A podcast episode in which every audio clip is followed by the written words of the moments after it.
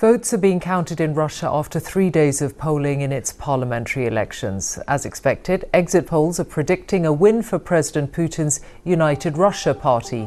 Few critics of the Kremlin were allowed to run, with supporters of the jailed opposition leader Alexei Navalny among those affected.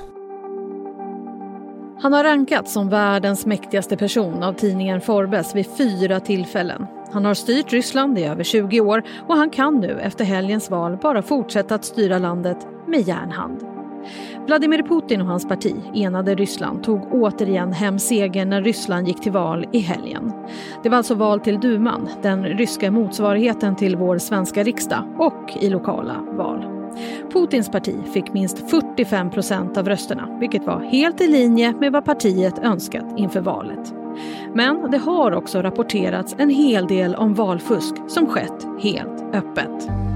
Ja, man kan fråga sig varför det här valet ens ägde rum. För den ryske presidenten har gått långt för att stoppa den opposition som finns i landet. Alexej Navalny, ledaren för oppositionspartiet Russia for the Future, sitter sedan i januari fängslad och hans parti klassas som en terroristorganisation av Putin. De partier som fick ställa upp i valet anses små och aningen betydelselösa. Så varför fick omvärlden se ryssarna gå till vallokalerna i helgen? Hade oppositionen någonsin en chans? Och finns det något som kan få Vladimir Putin på fall? Det här och mer pratar vi om i dagens Aftonbladet Daily. Jag heter Jenny Ågren.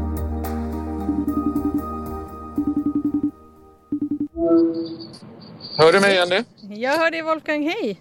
Hej! Och som ni hör, jag har ringt upp Wolfgang Hansson, vår utrikespolitiska kommentator. När jag når honom så sitter han i en bil på autobahn i Tyskland. Wolfgang får börja med att svara på varför det ens varit ett val i Ryssland. Därför att eh, president Putin vill ju att det ska finnas en legitimitet kring hans eh, regim. Även om de flesta är medvetna om att det är mycket fusk i, i valet så vill han, precis som många andra auktoritära ledare, ändå att det ska genomföras val och att eh, eh för att liksom ge en, en skimär av att det åtminstone går rätt till. Eh, och dessutom så behöver han det här duman, det ryska parlamentet, för att få igenom de lagar som han vill eh, få fram. Då.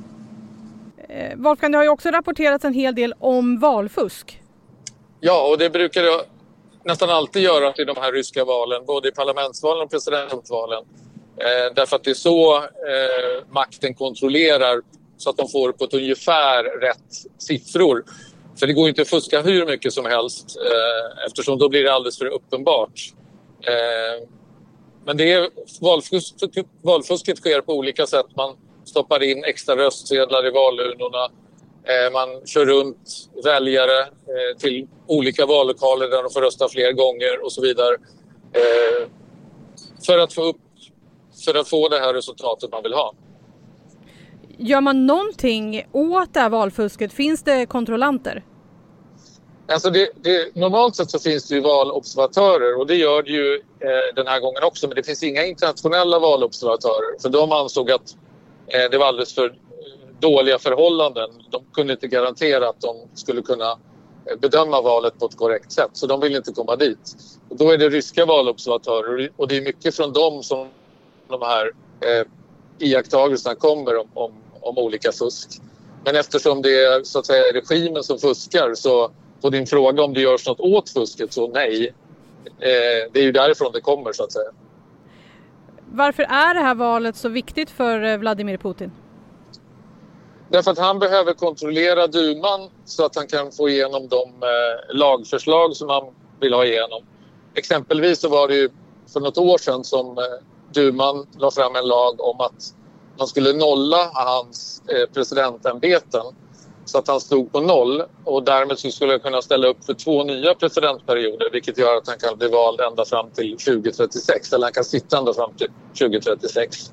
Eh, och det sköttes genom en lagändring i duman och det kunde han få igenom tack vare att hans parti kontrollerar duman. Hur skulle du säga att kampanjen har varit inför det här valet?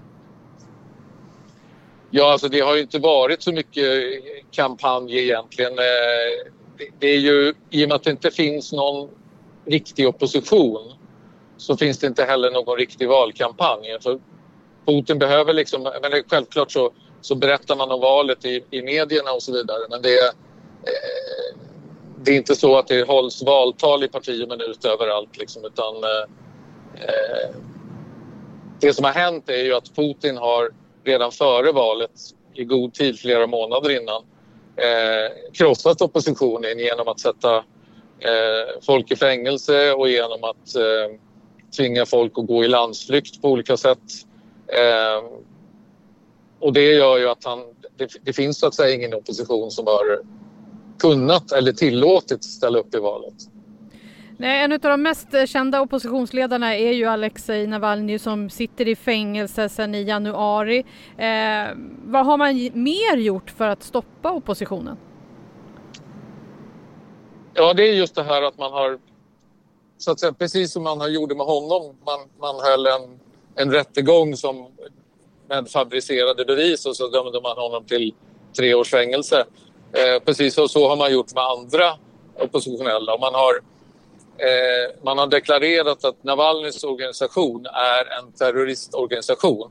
Och därmed så är alla deras medlemmar i princip terrorister och därför så kan de gripas eller på andra sätt trakasseras. Så att, eh, det gör ju att eh, det är omöjligt för dem att ställa upp i valet. Så att, man kan väl säga att det, det här är nog det valet av alla val som har varit i Ryssland där Putin har gått mest hårt fram emot oppositionen och verkligen liksom försökt att krossa den ordentligt. Och det är ju som, lite grann som en förberedelse inför valet 2024.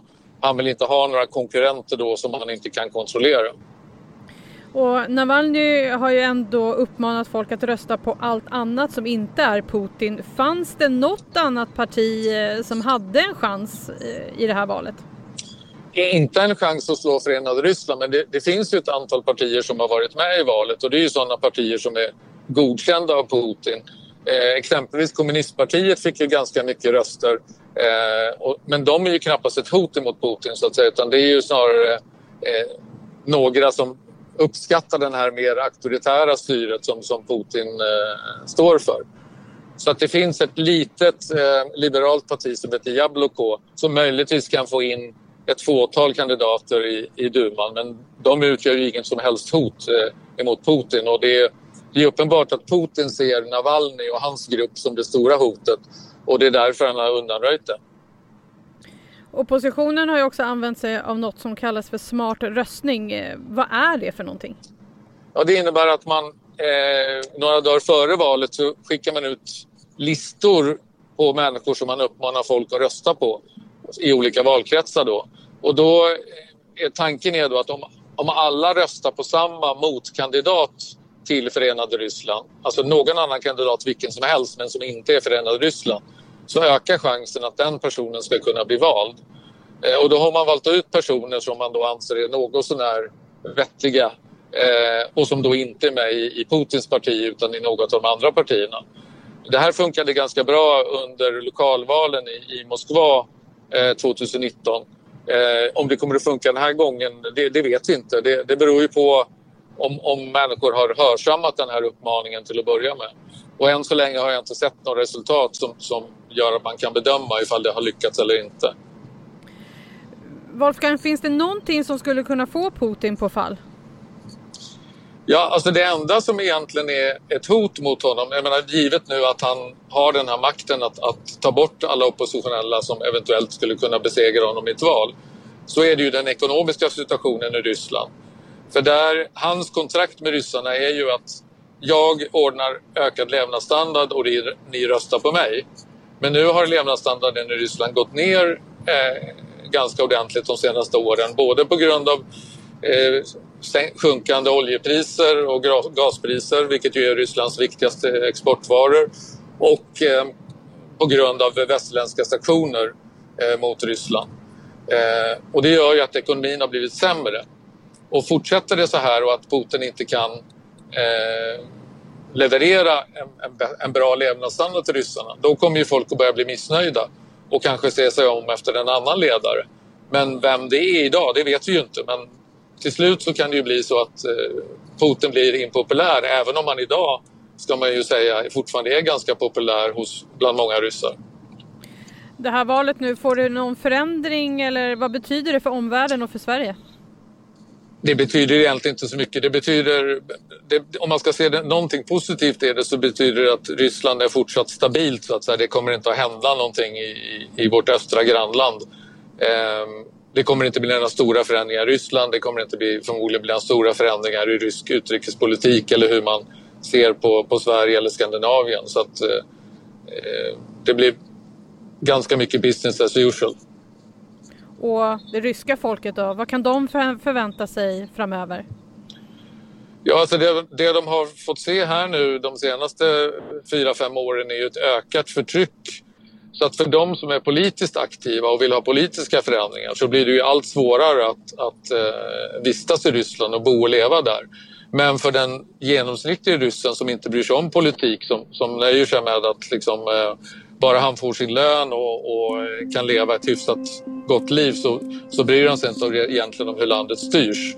För dem blir det förmodligen inga försämringar. För det går att leva ett rätt normalt liv i Ryssland så länge man inte är politiskt aktiv eller politiskt intresserad och, och försöker påverka. Tack Wolfgang. Tack. Det säger Wolfgang Hansson, vår utrikespolitiska kommentator. Jag heter Jenny Ågren och du har lyssnat på Aftonbladet Daily. Vi kommer ut med nya avsnitt på vardagar. Vi tar upp ett aktuellt ämne varje dag. Så följ oss gärna i din poddspelare så missar du inga avsnitt. Vi hörs snart igen. Hej då!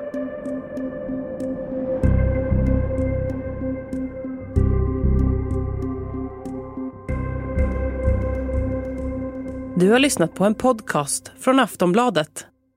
Ansvarig utgivare är Lena K Samuelsson.